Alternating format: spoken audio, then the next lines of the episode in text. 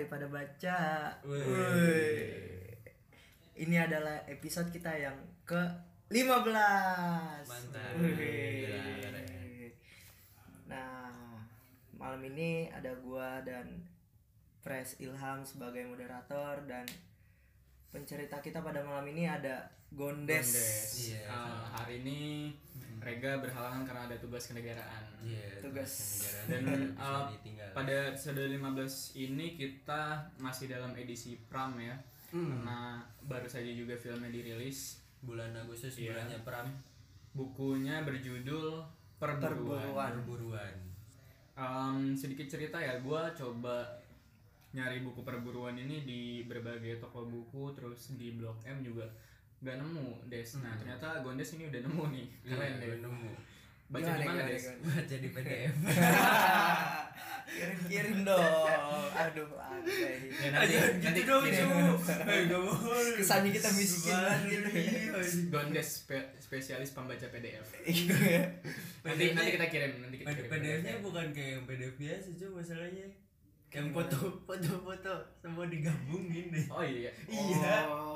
Oh. Scan, scan gitu ya, scanan ya. Eh kalau scan mah bagus foto aja kanan kiri Kuat banget Oh. baca ya. kanan Iya. kiri aja dia bilang gitu. Oke, lanjut lanjut.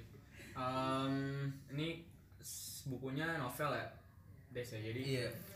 di awal pasti kita bakal uh, bahas dulu tentang tokoh-tokoh dan ya cerita singkatnya lah ini gambarin tentang apa sih? Ya kan ju- dari judulnya aja perburuan jadi tuh di sini tuh ada tokoh utamanya tuh Raden Mas Hardo ya atau biasa disapa Den Hardo.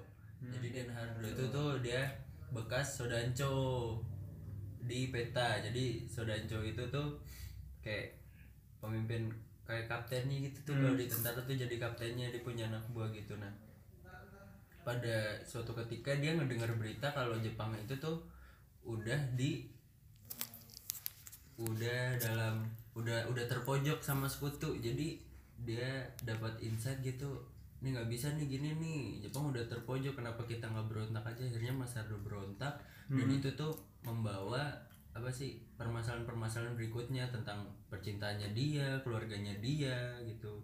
Hubungan sama apa orang tua pacarnya malah bukan pacarnya dia udah tunangan. Jadi dia punya tunangan tuh namanya Ningsi dia anak Palura udah udah dekat banget dah sama udah dekat banget tuh sama Ningsi Berarti uh, perburuan ini mengambil uh, periode ketika penjajahan Belanda, eh penjajahan Jepang, Jepang, iya, Jepang. penjajahan Jepang iya dan coba mungkin bisa gambarin sedikit des apa tokoh utama itu siapa umurnya berapa dan uh, ya latar belakangnya lah. Ya kalau ini jadi namanya aja Raden Mas ya. Jadi dia tuh bukan bukan sembarang bukan kayak rakyat jelata dari namanya aja Raden Mas. Jadi tuh dia anak dari Wedana. Wedana tuh kayak apa sih? gubernur gitu. Cuman tuh lebih kecilnya gubernur di atas kabupaten di bawahnya gubernur dia anaknya Wedana nih. Terus dia masuk peta jadi Sodanco dia set apa pemberontakan gitu umurnya tuh berapa sih mungkin masih 20 tahun ta- tahunan gitu kan masih muda gitu dia punya tunangan tuh namanya Ningsi Hmm. nah Di dia situ pribumi. pribumi semua Pribumi, pribumi semua. Cuma yang Ningsi. satu lagi masuk Sodanco itu, masuk peta. Oh, peta kan emang buat pribumi. peta mah buat pribumi Oh, aduh. Gak belajar sejarah. dia tidak. Jadi tuh peta itu tuh apa sih institusi atau lembaga buatan Jepang tapi isinya tuh pribumi semua tujuannya Iya, tuh iya, untuk iya, iya. membantu Itu cikal bakal TNI gak sih? iya Iya kan ya? jadi ada ada dua tuh ada Oh. cikal cikal bakalnya tuh ada dua yang satu dari peta yang satu lagi dari kenil Ah, Dari kalau Belanda. kenil kan yang dari Belanda tuh nah itu tuh digabungin jadi tentara tuh hmm. Hmm. Nah, terus gue mau nanya di balik judul ini gitu. hmm. Perburuan. Perburuan itu apa sih gitu? Apa yang yang diburu apa?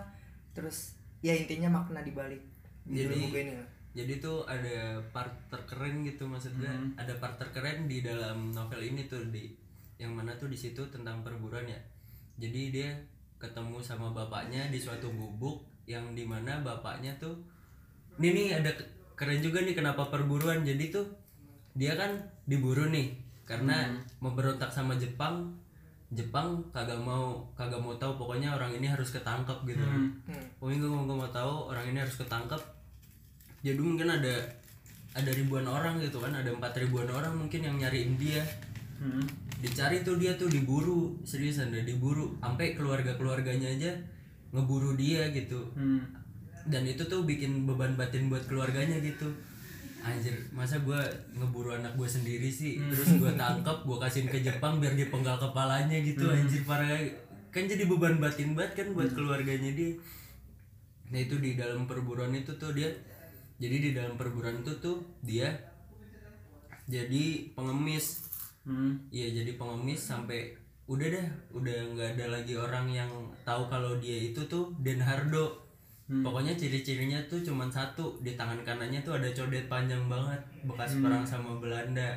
Jadi tuh, tuh dia pernah berantem sama Belanda juga tuh ada codetnya panjang di tangan kanannya. Hmm. Jadi nyeri-nyerinya gitu. Dia ketemu tuh sama bokapnya, cuman bokapnya kagak tahu kalau itu tuh anaknya bokapnya udah stres parah kan emaknya meninggal emaknya meninggal gara-gara stres itu tuh Stres anaknya diburu. iya anaknya diburu dan dia suruh ngikut buru juga gitu kan. Hmm. stres meninggal bokapnya stres juga. Jadi dia kan tadinya wedana dipecat dari wedana semuanya habis dah harta harta bendanya habis istrinya meninggal anaknya diburu lebih beban lagi bokapnya. Bokapnya jadi penjudi akhirnya. Jadi penjudi. Coba di, di dalam cerita itu ketemu sama anaknya di gubuk tuh. Oh, gitu. Cet, lu siapa? Gue penjudi gue gitu. Iya kenapa lu jadi penjudi? Iya gue diceritain tuh semua masalahnya. Warungnya warung kiu kiu jangan-jangan eh main balak enam aja Shit, gue stres. Jadi cuman judi doang deh yang bisa ngobatin gue gitu maksudnya. Mm-mm.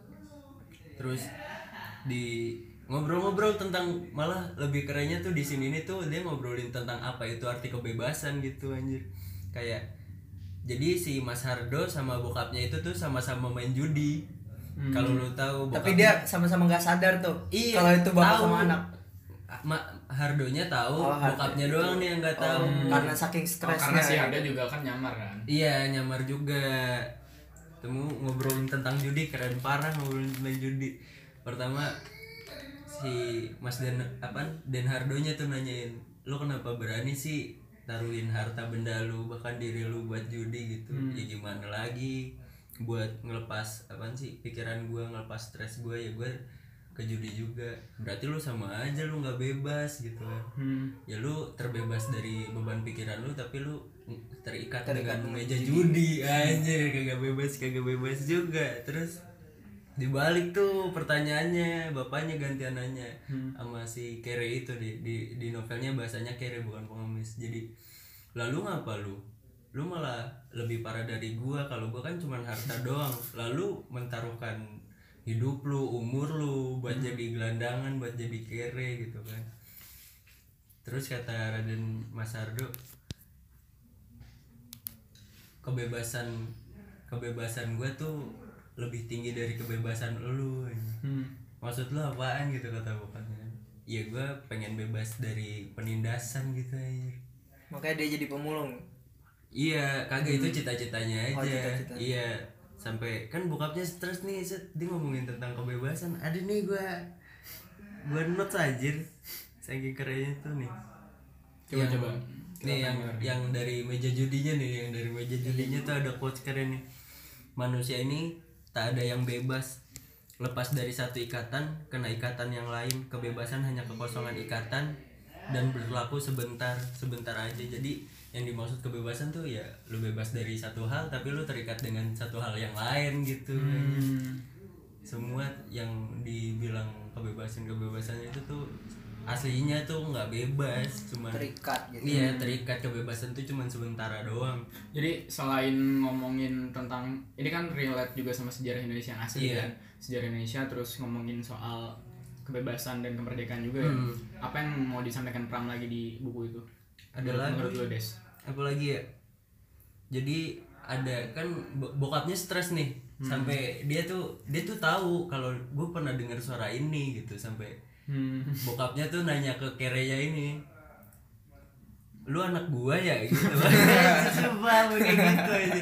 Lu anak gua ya? gitu. Terus, terus, terus kata si kata denadonya enggak ya Ge, lu sakit gitu. Lu stres lu enggak lu kebanyakan mikirin anak lu aja jadi suara gua kelihatan Sama. iya kayak sama gitu aja.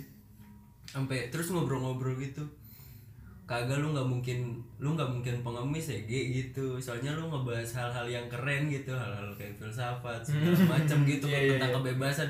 Nggak mungkin kalau kere ngebahas kayak gini gitu kan. Jajan wali. Wali. iya gitu kan.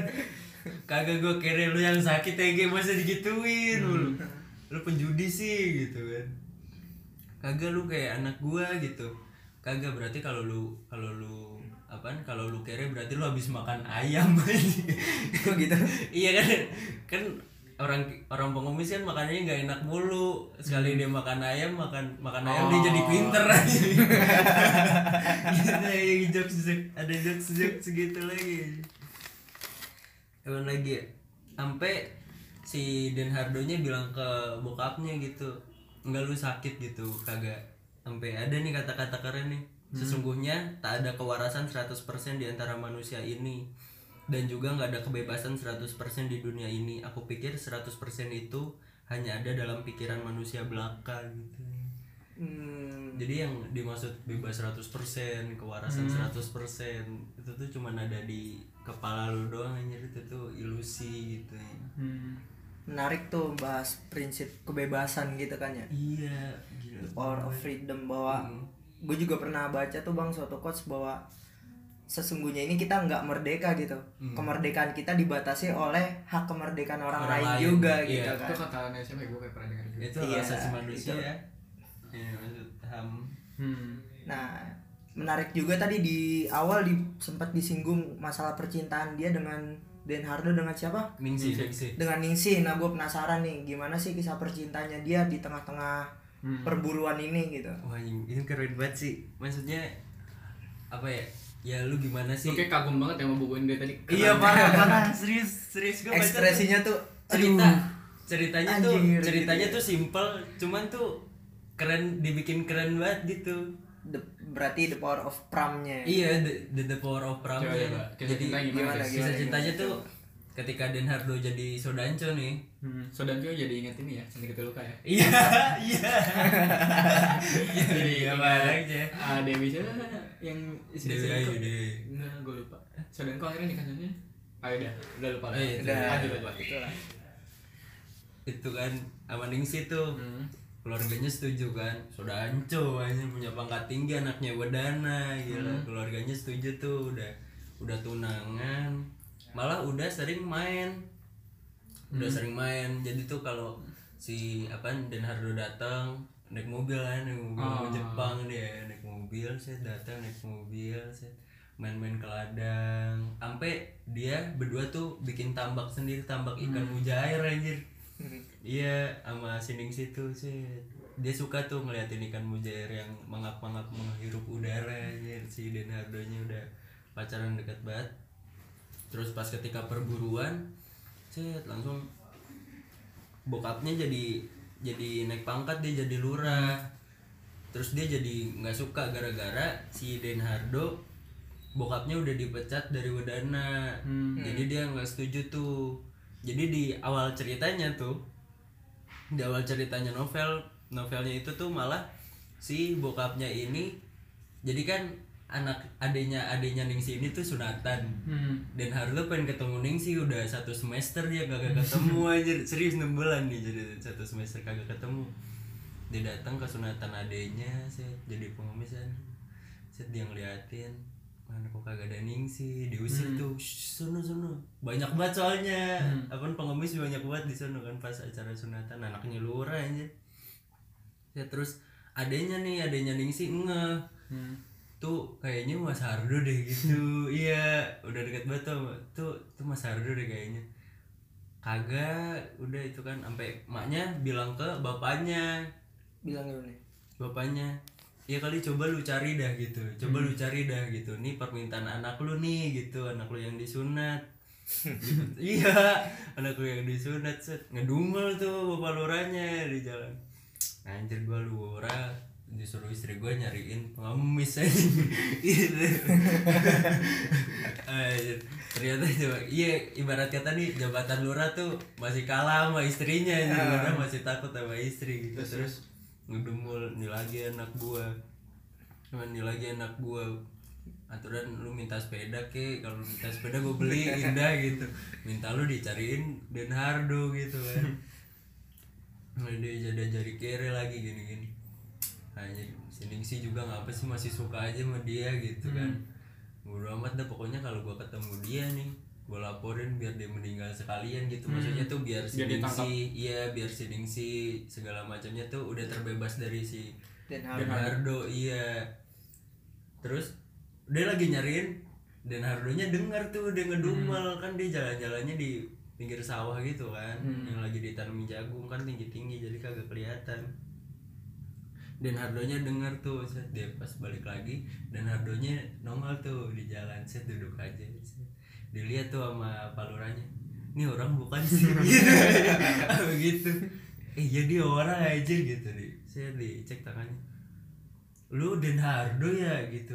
Iya ayo pulang yuk. Lu udah gua tungguin juga dari kemarin.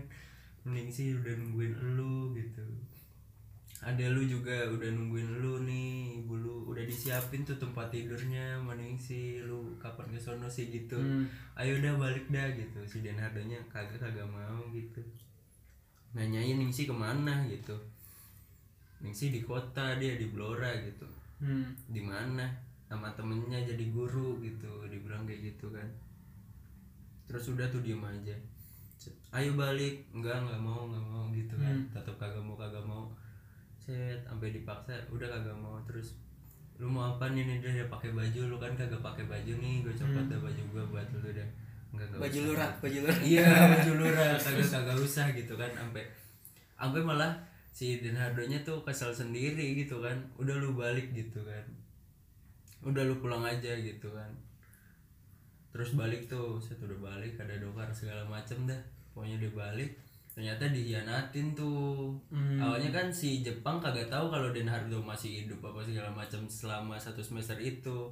Seluruhnya ngelaporin langsung tuh semua kayak Senidan segala macam tuh tentara-tentara eh buat tentara langsung sih Iya berkumpul tentara pemuda itu. iya ngeburu lagi diburu lagi jadi yang hianatin tuh jadi si bokapnya itu tuh apa sih cuman nyari jabatannya doang oh Iya. iya khas iya khas khas banget Iya. kan di era kolonialisme feudal Iya, iya feudalisme. feudal banget kan khas batu cuma Iya. nyari jabatannya doang gitu kan itu ngejual bangsa demi Mm-mm. kepentingan pribadi tuh Iya, sampai apa sih? Dia kan punya anak buah ya. Namanya ada temennya juga tuh, namanya Sudanco Karmin. hmm. Jadi Sudanco Karmin tuh si dikira sama orang-orang yang lain tuh pengkhianat tuh. Ini tentang Hmm. ada persahabatannya juga tuh. Si Sudanco Kar- Karmin dikira apa? Pengkhianat. padahal yang pengkhianat si bosnya si Ih, bokapnya bokapnya namanya lurah itu, si Iya. Ya spoiler lagi. sedikit nggak apa terus terus spoiler parah ya gitu kan sampai si, si Sodanjo Karmin itu tuh dikira pengkhianat tapi si Den Hardo tetap yakin tuh kagak dia kagak berkhianat. Gue tahu betul siapa dia gue kecil sama dia gitu. Hmm. gue kecil sama dia dia orang baik gitu kan. Si Sodanco Karmin juga kan dia udah memberontak sebelum kita. Dia memberontak gara-gara ceweknya dia dinikahin sama orang, Orang Jepang. Iya. Sama atasannya gitu sama bosnya Hmm. gitu. Jadi dia secara secara nggak sadar dia udah ngeberontak gitu kan. Terus kenapa apaan Sodanco Karmin kagak ikut pemberontakan gitu kan? Masih nyesek dia belum bisa move on masih meriang aja. Hmm. iya sampai si Sodanco Karminya tuh ngerasa nyesel iya anjir gua nih pengkhianat nih gitu sampai Hmm. ngerasa sampai ngerasa iya gua pengkhianat nih gua agak ikut pemberontakan segala karena macem. itu galau dan iya ngapa sih gua harusnya kayak gitu gitu Iya. harusnya gua gua kan ikut aja gitu dan si tetep tuh Dan Hardonya ngotot padahal anak buahnya tuh udah kagak sepakat gitu sampai di endingnya tuh pengen dibunuh si Sodan Cokarminnya anjir Hmm. arah sama anak buahnya si Dan Hardo Iya, sendiri iya, iya. Hmm. Kebanyakan spoiler nanti.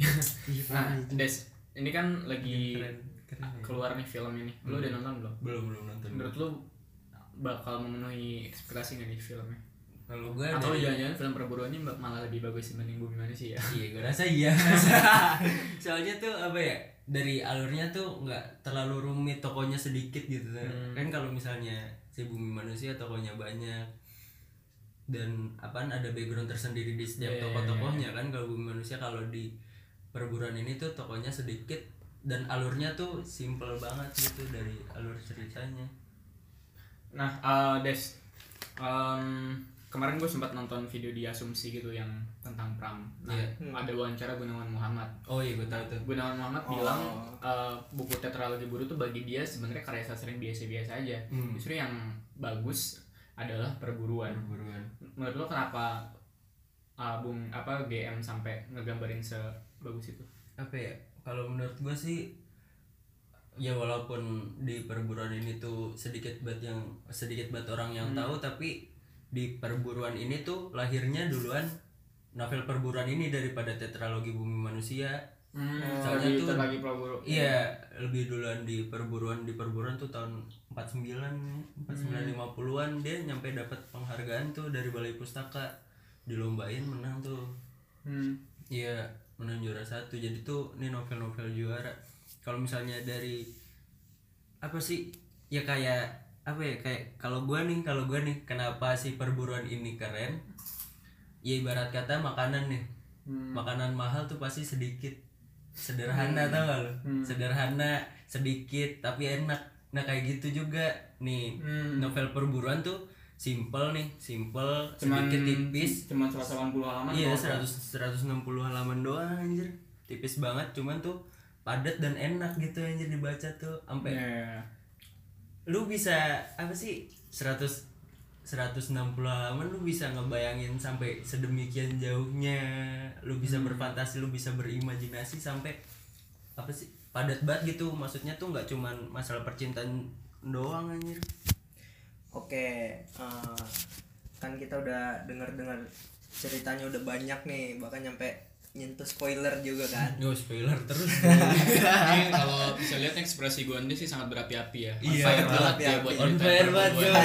udah lama tidak menjadi pencerita Nah, seperti buku-buku lainnya kita juga gue pribadi gue pengen nanya nih, Bang. Hmm. Kenapa gue harus baca buku ini? apa ya ya kalau kalau gue nih kalau gue ya kalau lu nggak baca buku ini tuh bakal bisa menyesal sih Karena Gimana ya? karena tuh di di novel ini walaupun apa sih kisahnya tuh sederhana banget maksudnya klasik gitu cuman Hmm.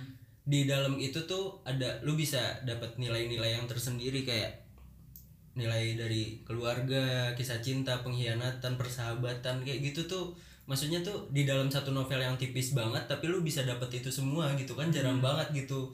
Maksudnya di bumi manusia aja agak tebel lu bisa dapat itu semua. Tapi di perburuan lebih tipis lagi cuman lu bisa dapat itu semua. Apa itu makna dari apa prinsip dari kebebasan tuh kayak gimana gitu pengkhianat tuh kayak gimana persahabatan tuh kayak gimana.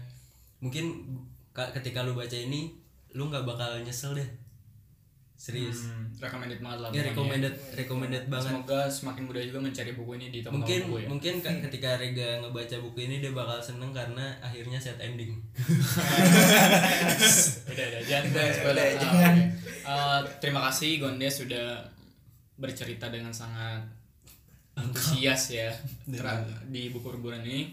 Eh, s- jangan lupa untuk em, ikutin ikutin terus podcast podcast Mari pada baca. Mari pada baca Follow Instagramnya kalau yang belum. Kalau juga perlu juga update story. Oke. Oke. Selamat mendengar. selamat membaca Terima kasih.